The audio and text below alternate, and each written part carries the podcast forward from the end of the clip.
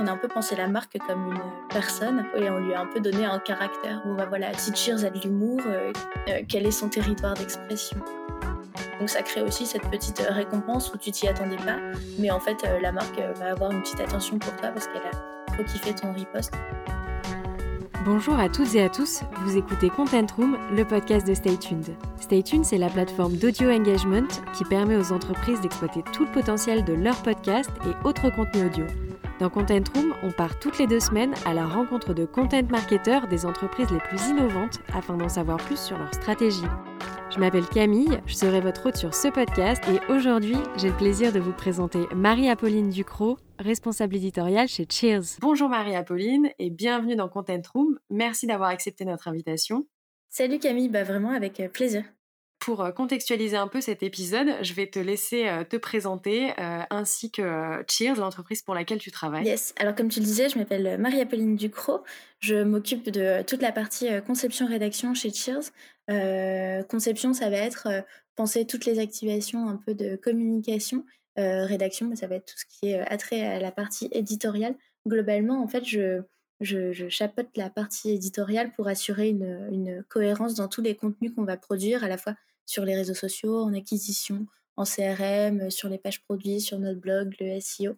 Bref, tous les mots et toutes les prises de parole de la marque. Et du coup, pour parler de la marque, Cheers, euh, c'est une, application et un site internet d'impression photo. On existe depuis 2012, ça a été créé par Antoine et Aurélien. Euh, ça s'appelait Polabox à l'époque, peut-être que ça parlera à certains. Euh, et puis voilà, on est une application d'impression photo. Tu peux créer avec Cheers des albums photos, des tirages, des magnettes, de la décoration murale à partir des photos de ton téléphone et tu les reçois directement chez toi. Ok, très clair. Je vais te demander de résumer juste ton positionnement en une phrase.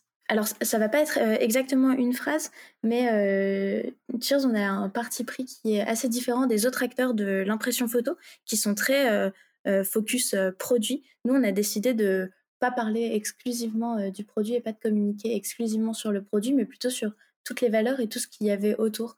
Donc on va euh, parler à la fois du moment où tu prends la photo, euh, du moment où euh, tu captures la photo, comment tu vas faire pour la garder et du moment où tu vas l'imprimer. Donc toute notre communication ne peut pas forcément être que centrée sur le produit, mais plutôt sur tout son univers et tout ce qui peut, bah, qui peut le toucher de, près ou de loin. Ok, d'accord. Ne pas, ouais, ne pas réduire sa marque au produit, mais vraiment à toute l'expérience euh, global que le produit peut apporter aux clients. Exactement, en fait, on s'était rendu compte aussi que c'était un, c'est un marché qui est très drivé par les prix, la promotion, le, vraiment que le produit. Et en fait, il y a tellement plus, enfin, il y a un terrain d'expression qui est beaucoup plus grand en fait autour du produit. l'impression photo, c'est pas juste la finalité, un album, mais c'est savoir identifier le moment où tu vas prendre une photo qui va vachement compter pour toi. En fait, on s'est aussi rendu compte que les acteurs de l'impression photo parlaient beaucoup des grands moments. Euh, des grandes photos, par exemple les photos euh, d'un euh, mariage, les photos d'une naissance pour faire des albums un peu d'exception. Nous, on a envie aussi de pointer du doigt les petits moments du quotidien, les petits kiffs de la vie de tous les jours, des photos prises à la volée sur ton smartphone. Et on est profondément avec, enfin, ancré application. Donc, c'est aussi hyper logique pour nous d'avoir ce, prisme-là des petits moments du quotidien. on incite presque autant à imprimer des captures d'écran et des choses qui font écho à ce qu'on euh, qu'on kiffe et ce qu'on vit vraiment que euh, ces grands moments euh, mariage qu'on sait évidemment célébrer dans nos albums mais c'est pas le cœur cœur de notre de notre impression. Ok, très cool. C'est très clair et très sympa ouais, d'aller sur justement un peu ces moments de vie plus tôt. Du coup, comme je te l'ai expliqué, dans Content Room, on s'intéresse aux, stratégies de contenu et j'imagine que comme euh, toute euh, personne qui a une stratégie de contenu, tu as dû te fixer des objectifs. Est-ce que tu peux nous en dire plus? Euh, est-ce que ce sont des objectifs de visibilité, de notoriété de marque, de nombre de followers peut-être sur les réseaux sociaux? Alors on ne s'est pas fixé euh, d'objectifs de nombre de followers, on s'est plus euh, fixé des objectifs en fait qualitatifs. C'est aussi toute la problématique parfois de la création de contenu, quel KPI derrière, comment on va pouvoir bah, traquer tout ce qu'on fait. Nous, notre gros objectif, c'est plutôt un objectif de notoriété de considération. on veut vraiment asseoir Cheers comme une marque sympa, accessible, créative, qui va un peu changer les codes de ce marché qui, comme je le disais, est assez bah, statutaire et un peu, un peu vieillot. Nous, on est hyper présents sur les réseaux sociaux. C'est aussi une des grandes forces de la marque. Donc, notre objectif, c'est de rester aussi fort et pertinent sur ces réseaux. On arrive aussi à adresser une cible qui est plus jeune que la moyenne. Donc, on a ces objectifs-là, en fait, de recrutement et de notoriété, surtout, surtout. Ok, super intéressant. ouais, en plus, tu as raison, les, contenus, c'est toujours, c'est toujours un peu compliqué de réussir à tout calculer, tout, tout maîtriser. et du coup, tu parlais de ces moments de vie. Est-ce que tu, as des cibles très précises, genre les 18-24 ans, ou bien est-ce que ça va plutôt être des cibles de personnes, de voyageurs ou, ou de fêtards? Est-ce que tu quels sont tes différents buyer personas alors, ça va pas être les fêtards, pas forcément. Les, enfin, les, les travelers, ouais, effectivement, un petit peu. Enfin, et c'est évident, en fait, c'est. On, va plutôt partir du, de la considération que nous, on s'adresse à toutes les personnes qui ont un smartphone et qui prennent des photos, c'est-à-dire potentiellement à tout le monde. Alors, effectivement, on a une cliente Cheers actuelle, tu vois, c'est plutôt une femme, enfin, c'est à 96% même plutôt des nanas qui ont entre ouais, 18 et 40 ans, elles sont souvent en couple, parfois maman. on se rend compte aussi que le déclencheur de l'impression photo, euh, c'est aussi la maternité. Se rendre compte que, en fait, euh, bah, qu'est-ce que je vais laisser demain à mes enfants? Euh, Quel est aussi un peu l'héritage que je suis en train de, de, laisser? Imprimer ces photos. C'est un acte qui est profondément généreux. Donc, du coup, tu le fais au moment où tu as besoin de donner, transmettre. c'est pour ça aussi que notre produit est, est, souvent, souvent utilisé pour être un cadeau. Donc, voilà, nous, notre cible, donc, pour revenir à ça, c'est voilà, plutôt une femme, 18-40 ans, active sur les réseaux sociaux, euh, et effectivement plutôt euh, plutôt euh, maman donc qu'elle voyage ou qu'elle voyage pas qu'elle soit urbaine ou qu'elle le soit pas on n'a pas de en fait on se rend compte qu'on arrive à parler à tout le monde parce que la, la photographie a quand même ce truc d'être hyper universel et on connaît personne qui aime pas avoir ses photos imprimées c'est quand même quelque chose ouais, qui, qui plaît à tout le monde le seul fait est que on adresse beaucoup les hommes et euh, euh, les, on adresse beaucoup les femmes justement et on peine un peu à adresser les hommes qui, euh, je sais pas, ont moins en fait ce déclencheur de l'impression photo ou alors je sais pas, les, femmes se sont, sont responsabilisées, mais, mais la cible masculine est un peu moins prioritaire, on va dire, chez nous. C'est marrant. Et en plus, j'imagine que c'est aussi compliqué parce qu'on est un peu dans un monde où justement on prend plein de photos comme ça et où on a moins tendance à imprimer qu'à une époque. Et c'est, je trouve que c'est super intéressant que tu dises que un peu le déclencheur pour, pour, imprimer, c'est la naissance quand tu te rends compte bah, que du coup, là, en gardant tout sur ton téléphone, tu transmets plus rien. alors qu'avant, je me souviens encore quand on allait imprimer son appareil photo jetable ou sa cartouche, je sais même plus comment ça s'appelle. Ah, ta pellicule, ouais. ouais, ta pellicule, voilà. on imprimait tout avant. Bah, c'est clair, tu partais tu partais avec ton petit appareil photo jetable en classe verte, euh, tu, euh, sinon tu prenais euh, ton argentique pour partir en vacances, tu partais avec X pellicules, et quand tu revenais, tu savais que t'en, avais, en as qui auraient forcément été cramés, mais les autres, étaient trop contents de les redécouvrir. C'est un... En fait, c'était un vrai bonheur. Nous, on veut aussi que les gens prennent conscience de ce cadeau que c'est que d'imprimer les photos. Je te disais, mais on, parle souvent, euh, là en ce moment, plus particulièrement pour la période de Noël, du cheers effect, un peu l'effet que ça te fait de recevoir des photos. Et, euh, c'est assez dingue. On reçoit des vidéos de clients, euh, des avis qui sont tellement unanimes sur le fait que c'est un, cadeau qui, en fait, ça, ça crée tellement d'émotions. Et donc, nous, on a aussi tellement à communiquer. Et c'est pour ça que ce serait trop bête de ne parler que du euh, produit en lui-même quand on peut justement euh, parler des émotions, parler des déclencheurs, parler aussi, tu vois, tu disais c'est hyper dur parfois de s'y retrouver dans sa pellicule. Tu vois, moi je dois avoir, je sais pas, 10 000 photos.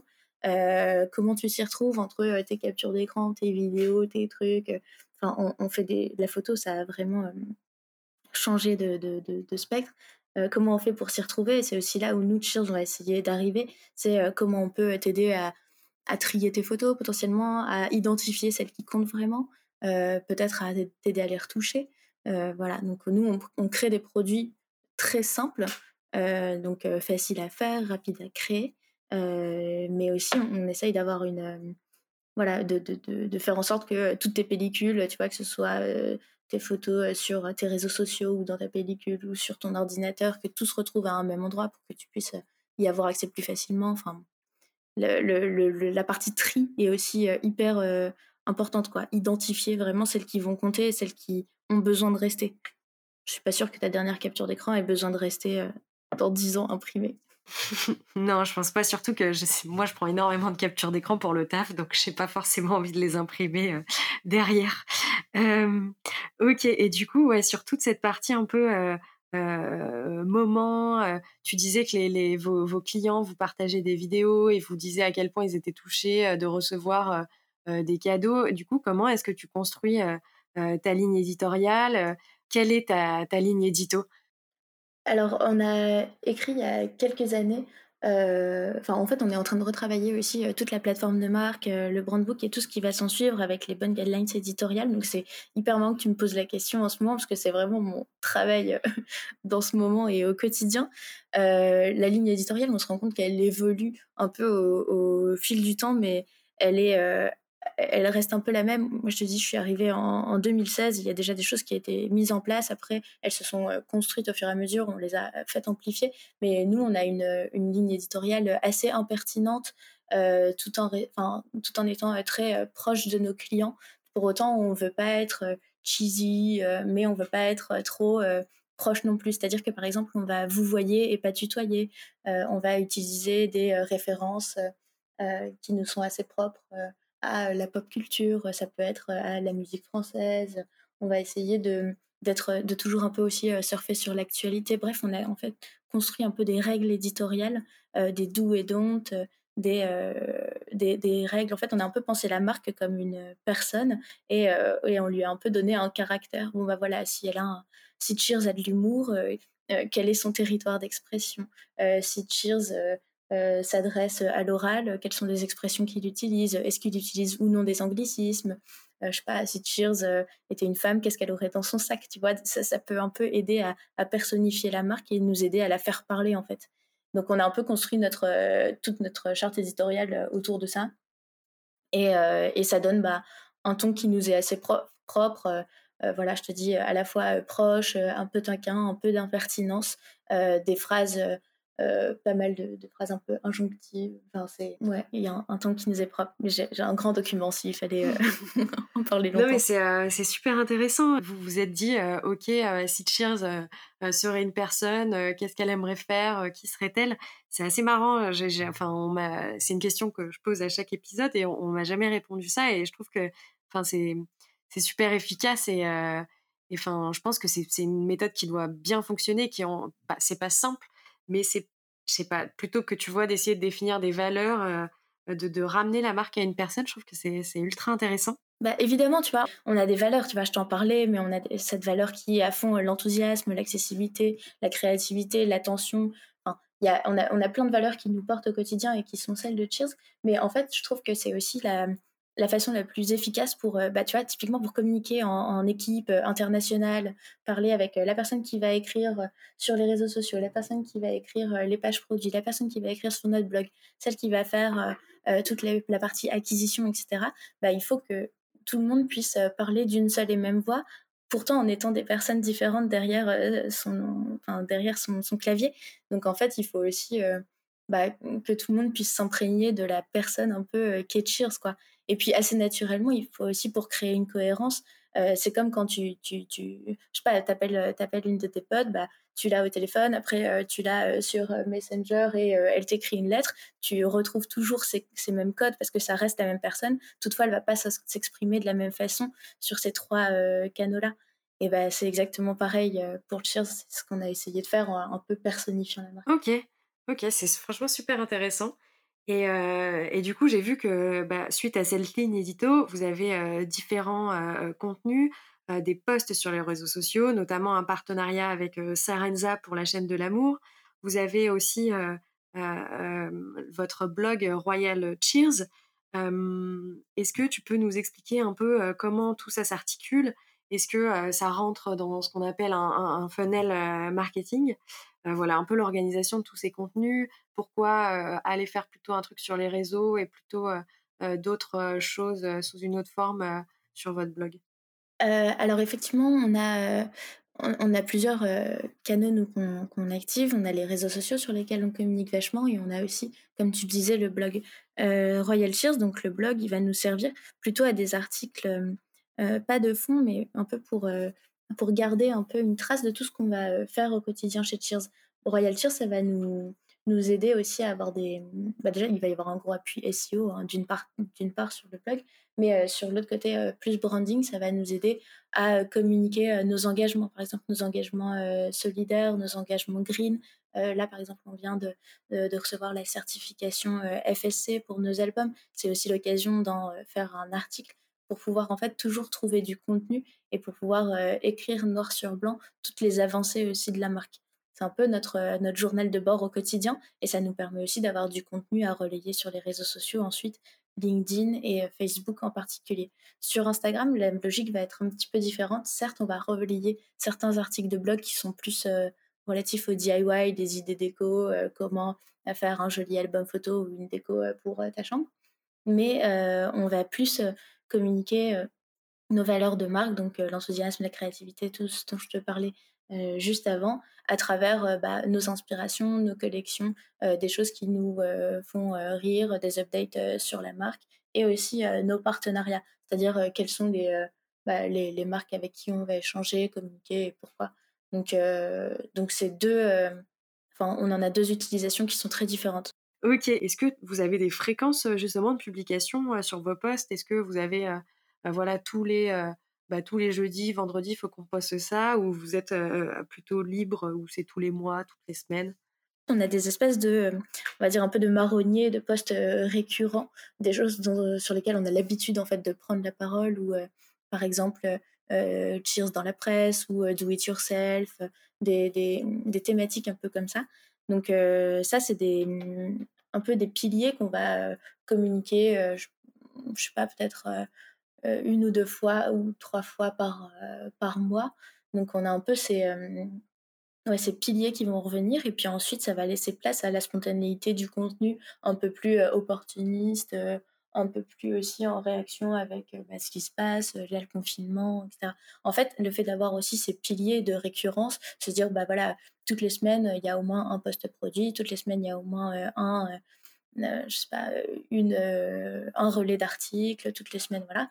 Euh, ça permet aussi de construire un calendrier éditorial ou même un calendrier réseaux sociaux qui soit très très précis et puis qu'on puisse vraiment anticiper parce que du coup on a des temps forts tu vois Noël Saint-Valentin les fêtes des mères évidemment la rentrée qui sont bah, à des dates précises qui ne vont jamais bouger. Et du coup ça permet de créer un peu ton calendrier comme ça sans avoir à trop réfléchir enfin évidemment à réfléchir, mais sans avoir à trop innover à chaque fois, en ayant aussi des prises de parole qui te ressemblent et qui, parce qu'elles reviennent régulièrement, sont propres, et donc du coup font que tu es une marque aussi reconnaissable. Et, le fait de les avoir, ça nous laisse la place pour être plus spontané entre deux. Quoi. En gros, potentiellement, je sais pas si on faisait le planning des stories là ensemble, en live, bah, je te dirais la semaine prochaine, il y a trois stories récurrentes qui sont des stories euh, qu'on fait euh, un peu euh, toutes les deux semaines. Et il y a la place pour quatre autres stories qui peuvent être beaucoup plus opportunistes sur le confinement, comment, occuper ses enfants pendant le confinement avec des idées DIY qu'on viendra de voir de la communauté, des reposts de bah, justement des, des, gens qui nous ont envoyé des vidéos trop sympas d'eux en découvrant leurs cadeaux ou leur calendrier de l'avant. Voilà. J'ai aussi vu sur vos réseaux qu'il y avait énormément de, de partages, de posts où vous êtes tagués. Est-ce que c'est un truc qui s'est fait assez naturellement parce que c'est quelque chose qui se fait sur les réseaux ou bien c'est quelque chose que vous avez initié avec des jeux concours il y a quelques années parce que c'est assez énorme la quantité de gens qui vous taguent sur plein de choses? Grave, on a de la chance d'avoir une communauté ultra engagée. Je pense qu'il y a plusieurs explications à ça. La première, c'est évidemment qu'au début, on l'a sollicité, ce contenu. Donc, on a dit à tout le monde, partagez, si vous êtes content, partagez avec nous vos créations, on vous repostera. Il y a très longtemps, on a mis en place cette mécanique en fait de reposter l'UGC, la User Generated Content, sur nos, nos propres réseaux. Donc les gens en fait avaient été un peu saucés d'être featured, tu vois, sur nos comptes Cheers. Ça faisait un peu de visibilité. Donc assez naturellement, les gens ont pris l'habitude de le faire. Après, on l'a aussi sollicité. Tu vois, quand tu recevais ta commande, tu avais un petit mot qui disait et si tu as kiffé ta commande, n'hésite pas à la partager avec le hashtag Cheers ou retrouve toutes les inspirations sur le hashtag Cheers parce que notre communauté va aussi se donner beaucoup de tips, tu vois, sur de la déco, des bah, idées do it yourself justement. Donc assez naturellement, en fait, ils l'ont fait. maintenant, c'est Ouais, c'est devenu un peu une, mécanique existante. On est un peu en train de le ressolliciter justement avec la mise en place aussi d'un espèce de petit euh, euh, concours où en fait à chaque fois qu'on euh, utilise une photo de quelqu'un qui vient, enfin une photo de la communauté qui nous a tagué ou qui a sollicité le hashtag Cheers, on va lui envoyer un petit mot pour lui dire qu'on trouve sa photo canon euh, et qu'on aimerait bien l'utiliser sur notre euh, compte. Et aussi lui dire qu'à la fin du mois, on va choisir notre photo préférée du mois et que le gagne, enfin, pour gagner un, bon d'achat de 50 euros chez nous. Donc ça crée aussi cette petite récompense où tu t'y attendais pas, mais en fait la marque va avoir une petite attention pour toi parce qu'elle a trop kiffé ton repost. Donc, donc voilà, c'est quelque chose qu'on a mis en place assez naturellement. Et puis on, sollicite aussi pas mal euh, nos clients parfois pour qu'ils nous envoient leurs réactions, euh, leurs photos. Mais on a de la chance en fait qu'ils soient. Enfin, ouais, on a une communauté vraiment trop sympa quoi. Ok, donc là on va passer à la deuxième partie euh, de cet épisode où on va se concentrer un peu plus sur un contenu, un type de contenu ou un canal de diffusion de ce contenu.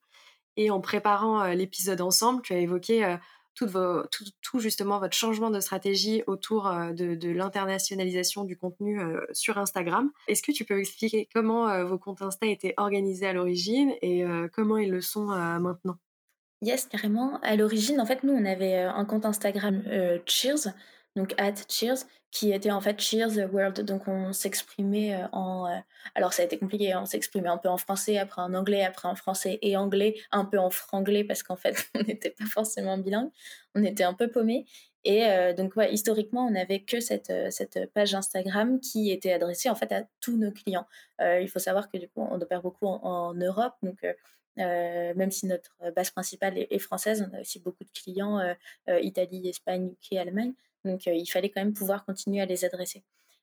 donc ça, c'était historique et donc on finissait par, par beaucoup parler en anglais. Ce qui s'est passé et ce qu'on s'est vite rendu compte, c'est qu'on perdait un peu en, spontanéité, en créativité et en fait on faisait aussi face à des, bah, des problèmes un peu structurels, mais la fête des mères, c'est pas le même jour en Espagne, c'est pas le même jour en Italie, c'est pas le même jour en France.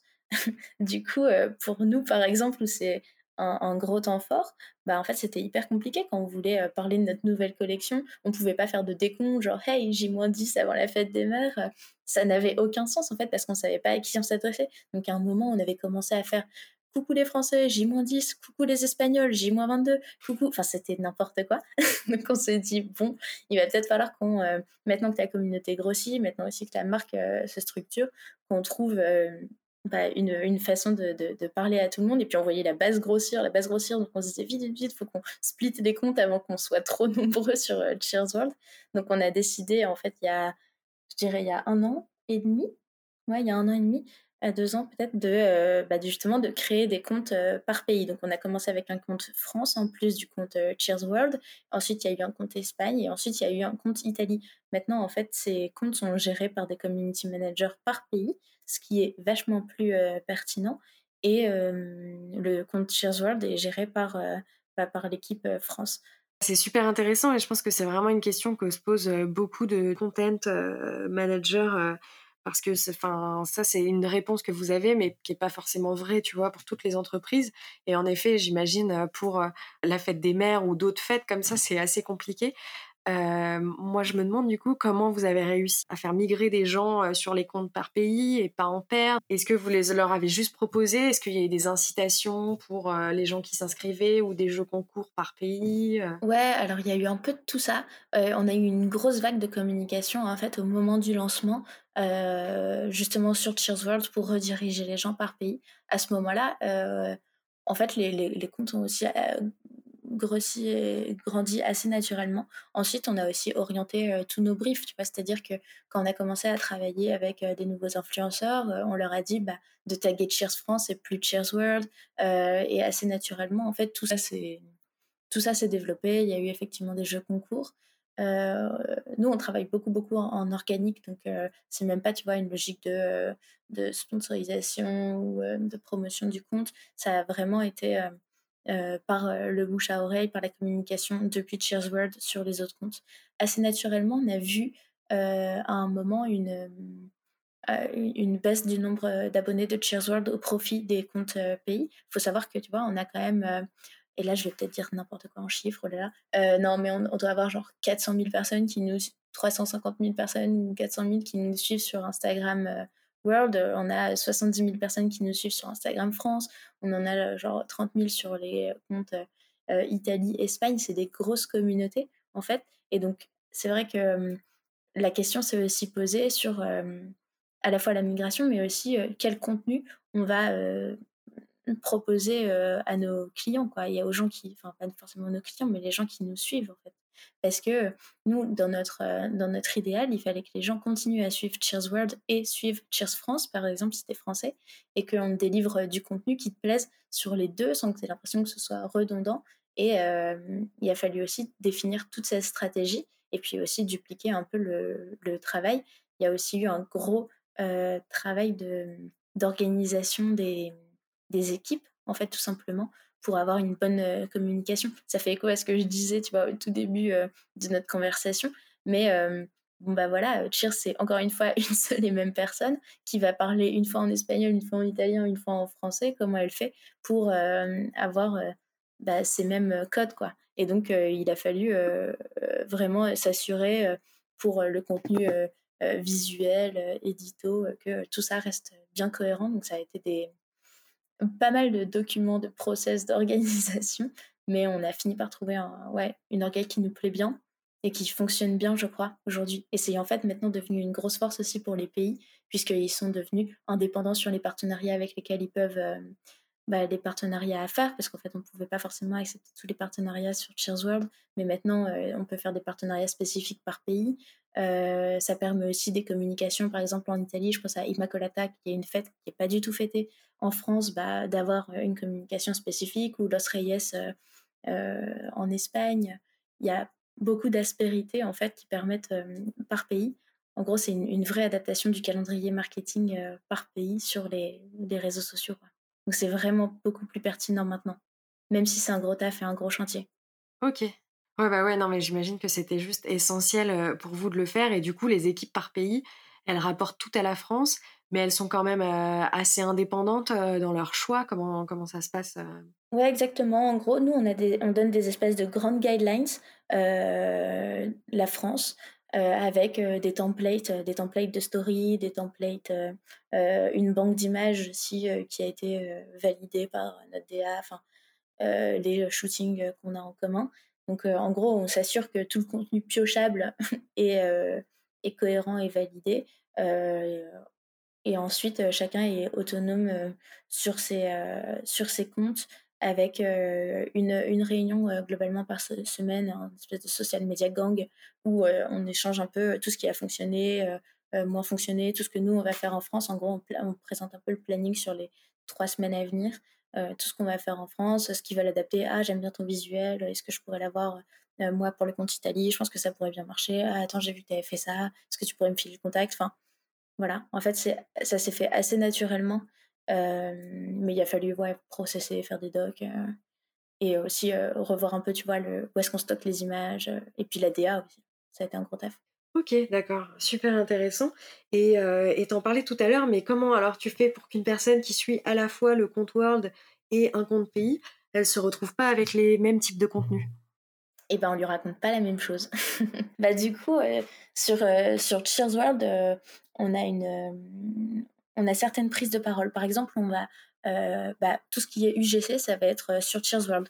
On va euh, reposter le contenu de notre communauté sur Cheers World. on va mettre beaucoup d'idées déco, DIY, etc. Le but, en fait, c'est que quand tu arrives sur Cheers World, tu dises Waouh, mets c'est une marque hyper créative d'impression photo et en plus elle est cool. Par contre, si tu arrives sur France, tu vas dire waouh, c'est une marque cool et en plus c'est une marque d'impression photo. Donc le spectre est un petit peu différent parce que sur Cheers France, on va davantage communiquer euh, bah, par exemple, un euh, selfie du bureau, euh, les backstage de nos shootings, la collection de Noël en, avant-première, et des choses qui sont plus relatives à l'actualité marketing du calendrier France alors que sur Cheers World, ça va être plus inspirant, créatif, dans en gros, tu vas suivre, Cheers World parce que tu kiffes l'impression photo et tu kiffes la photo et que du coup, tu as envie d'avoir des trop bonnes idées, de voir passer des trop belles décos et aussi de voir comment est fait notre produit avec des photos de la facto où on va pas mal montrer, tu vois, un peu les dessous, le côté green de la marque. Et tu, tu vas suivre Cheers France parce que tu as envie bah, un peu de te marrer, d'avoir des actualités sur les nouveaux produits, d'avoir aussi les backstage des shootings et des petites interviews, je sais pas, de, de Louise, notre chef de produit, qui va te raconter comment est née la petite attention, euh, ou euh, d'Antoine qui va annoncer à tout le monde que la petite attention est offerte pendant le confinement pour envoyer aux personnes isolées, tu vois. Donc c'est deux trucs différents que tu retrouveras pas euh, l'un, enfin que tu retrouveras d'un côté et pas de l'autre et vice versa, qui font que normalement tout le monde s'y retrouve c'est assez intéressant. C'est un peu comme si vous aviez pris le, tu sais, le, tunnel market et que vous l'aviez appliqué à Instagram avec le compte World de plus découverte, inspiration, découverte, premier touchpoint avec la marque et euh, les comptes pays plus euh, axés sur la conversion. Bah, c'est exactement ça. Ok, c'est intéressant. C'est la première fois que, que j'entendais ça, tu vois. Enfin, il n'y a pas beaucoup de marques qui ont plusieurs comptes Insta parce que déjà, généralement, quand on a un, ça te prend du temps et c'est complexe. Mais ok, c'est très cool. Et est-ce que tu as un peu des résultats sur ce choix de stratégie internationale ou à partager avec nous ou pas? En fait, le premier résultat qu'on a eu, c'est on s'est rendu compte qu'on avait vachement plus d'engagement sur les comptes pays. Bah, déjà parce que les communautés étaient plus bah, récentes, enfin abonnées plus récemment. Et aussi plus engagées parce qu'on leur parle dans leur langue, de choses qu'ils connaissent, avec des références, je sais pas, qu'ils connaissent et qui sont un peu dans la tendance quoi. Tu vois là on va parler de confinement en France par exemple. Bah ça fera ça ferait pas forcément écho sur Cheers World. Donc on a une communauté au enfin la résultante c'est qu'on a une communauté plus engagée et c'est aussi qu'on a effectivement plus de gens qui nous suivent et on, a une nouvelle force de frappe. Globalement, on a des meilleurs résultats et on a une, une meilleure visibilité et des meilleures forces de proposition aussi pour les, partenariats parce que c'est plus, bah, plus pertinent tout simplement. Euh, la différence, euh, c'est peut-être qu'au début, euh, tu vois, moi, il y a un truc que je retiens, c'est que ça a été quand même assez long et fastidieux à mettre en place et qu'on s'est longtemps cherché quand même. Là, on est vraiment en train de mettre en place cette, cette stratégie, mais ça, prend du temps. C'est-à-dire que, par exemple, tu vas organiser un calendrier de l'avant sur les réseaux sociaux, bah, en fait, tu vas devoir l'organiser quatre fois. Quoi. Donc, c'est énorme. Enfin, donc ça, ça, il faut vraiment bien bien l'avoir en tête et il faut aussi avoir les bons outils pour mettre en place ça, pour pas dupliquer, et la bonne stratégie pour pas se retrouver deux fois avec le même contenu. Moi, ma hantise, c'était que d'un seul coup, on se mette tous à poster les mêmes trucs et que ça devienne plus du tout cohérent, quoi. Donc, donc voilà. Et ouais, les bons outils, c'est hyper primordial pour la planification du contenu, pour le suivi aussi des résultats.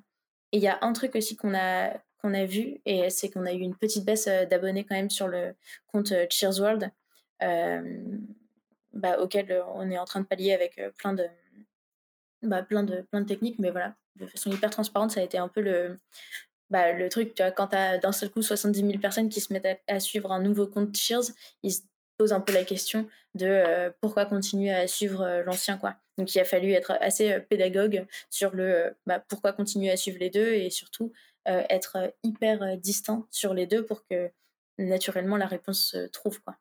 Ah bah oui, ouais, je... oui, ils ont peut-être cru que, il était... que le Cheers World était en train de fermer et du coup ils ont commencé à, migrer et à supprimer l'ancien. Bah ouais, je pense qu'en fait quand tu vois passer deux fois des publications de Cheers puis Cheers FR, tu te dis bon bah il y a peut-être un doublon quoi. Ouais, oui, ouais, je comprends. Donc du coup, à toi, tes conseils à quelqu'un, ça serait d'utiliser les bons outils. Et quels sont les, les bons outils du coup pour toi? Bah, alors on en a essayé plein, vraiment plein, tu vois, je pense à... On a utilisé Buffer, Iconosquare, tous les business managers et compagnie. là récemment, on, travaille sur Later qui nous aide à planifier tout le contenu sur les, les comptes Instagram. mais on va sûrement migrer pour un autre outil qui s'appelle Planoly, qui permet aussi de poster des stories en fait et ça, c'est hyper important en fait que tous les comptes euh, pays puissent se retrouver sur un seul outil pour pas qu'il y ait du contenu un peu partout, parce que sinon, si on commence à utiliser euh, tous des outils différents, on s'y retrouve jamais. Donc, donc voilà un peu pour les outils de, on va dire, de gestion, modération, planification. Et ensuite, sur les outils de planification de contenu, nous, on a de la chance d'avoir une équipe créa en interne qui nous fournit pas mal de contenu, shooting, qui nous fait des, visuels. Tout le monde a une licence Photoshop aussi et, est assez indépendant là-dessus, mais on utilise pas mal des outils comme Mojo, PlayPlay, Canva ou Unfold encore dans leur version brand payante qui sont vraiment pas mal pour la création de, bah de, de, story et de, de, prise de parole de marque. Ok, super clair. Bah, merci pour toutes ces précisions. je pense que tous tes tests d'outils vont peut-être faciliter le travail de, certains qui commencent à accélérer sur leur, leur, production de contenu sur les réseaux sociaux. Donc là, on va passer à la dernière partie de l'épisode, qui est un peu une prise de hauteur, donc à la fois sur Cheers, mais sur toi. Donc la première question que j'ai à te poser, c'est où est-ce que tu vois Cheers dans les prochaines années? Je pense que on est en train de, de devenir une marque, et je l'espère, en fait, c'est vraiment notre ambition assez importante pour nos clients. J'ai vraiment envie que Cheers, ça devienne un peu un coach de l'impression photo, un peu, tu vois, comme un comme quelqu'un qui est pas très loin de toi et qui te dit genre hey pense pense à prendre une photo de ce moment-là identifie comme comme ce moment est sympa et puis tu pourras le garder plus tard. Bref un espèce de voilà coach pour t'aider à profiter de la vie à capturer les moments qui comptent et à les revivre après par l'impression photo. Et je pense aussi que Cheers est en train de prendre un tournant ou plutôt est en train en fait tout simplement comme une, boîte qui grandit et qui euh, mûrit, euh, Cheers est en train d'installer de, des, des, valeurs qui lui sont hyper euh, fortes et hyper propres. Moi, je suis hyper fière, mais on a mis en place cette année beaucoup d'actions. Ça a commencé avec la première vague de confinement, une, un truc qu'on avait lancé qui s'appelle De notre mieux, qui est un peu nos actions solidaires et, et environnementales. Et en fait, on est en train de, faire beaucoup, beaucoup de, progrès sur bah, sur justement tous ces points-là. On organise des journées du sourire une fois par mois avec des associations où on reverse 10% de nos revenus cette journée-là avec des associations. La prochaine, ce sera avec le rire du médecin. Et on a eu la première avec la PHP ou avec Tout le monde contre le cancer. Bref, Cheer, c'est une marque qui est vraiment en train de s'installer dans son temps et devenir un peu bah, une marque en laquelle tu peux euh, croire et à laquelle tu peux vraiment euh, faire confiance. Et sur le volet environnemental, tu vois, on est, euh, on, est une entreprise carbone neutral, c'est-à-dire qu'en gros, on compense toutes nos émissions carbone. C'est une marque aussi bah, ouais, qui vraiment est dans son temps et je souhaite qu'elle qu'elle le soit encore. Elle est née sur les, enfin, elle est née vraiment portée par les réseaux sociaux. Ça la, ça la suit encore et c'est une marque, je pense, assez moderne et, et je pense qu'elle va continuer à le devenir en plus de ça, en devenant, euh, bah, je souhaite, euh, le leader. Quoi. Ok, top, super intéressant. C'est beau justement de voir les marques euh, qui vont un peu vers des valeurs comme ça d'écologie, des valeurs sociales, d'aller vers les autres, de protéger la planète. Il y en a beaucoup qui veulent le faire, mais pas beaucoup qui le font au final. Et du coup, la deuxième question de cette dernière partie, toi, quelles sont tes inspirations? Est-ce que ce sont des marques? Est-ce que ce sont des marketeurs? Ou bien, je sais pas, des livres que tu as lus récemment? Ouais, il y a pas mal de. J'ai pas mal d'inspirations très différentes. En fait, je pense être assez curieuse. Évidemment, il y a beaucoup, beaucoup de marques dans l'univers des startups françaises, mais pas que, qui, qui m'inspirent, qui me font marrer. Moi, je suis inscrite à pas mal de newsletters. Je fais beaucoup de, de, de veilles créatives. je suis inscrite à toutes les newsletters. Je, pense à même le blog du modérateur, la relève, la réclame, tous ces, toutes ces toutes ces newsletters euh, assez inspirantes pour nous, euh, créa. Euh, sur la partie éditoriale, tu vois, on en parlait, mais tu me disais qu'il y avait eu un épisode avec Frishti, mais évidemment, c'est une marque hyper inspirante pour nous aussi, puisqu'ils ont un peu cet humour, ce ton décalé. Il y a pas mal de marques comme ça. Je pense à Back Market, qui est hyper pertinent dans ses prises de parole. Je pense aussi à des, des grosses marques qui sont accompagnées par des agences comme Burger King. on a X exemples à, à, communiquer sur euh, leur pertinence euh, sur les réseaux sociaux.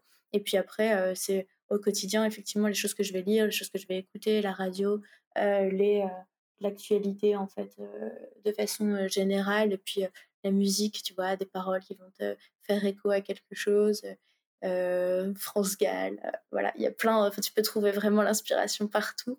Mais je trouve que enfin ouais le, le, vrai point c'est d'être assez curieux et de ne pas avoir peur de bah, d'utiliser en fait sa propre curiosité au service de la création puisque la marque en fait elle finit un peu par ressembler aux personnes qui la communiquent. Donc c'est assez normal que ce soit empreint de ce qu'on regarde ce qu'on fait.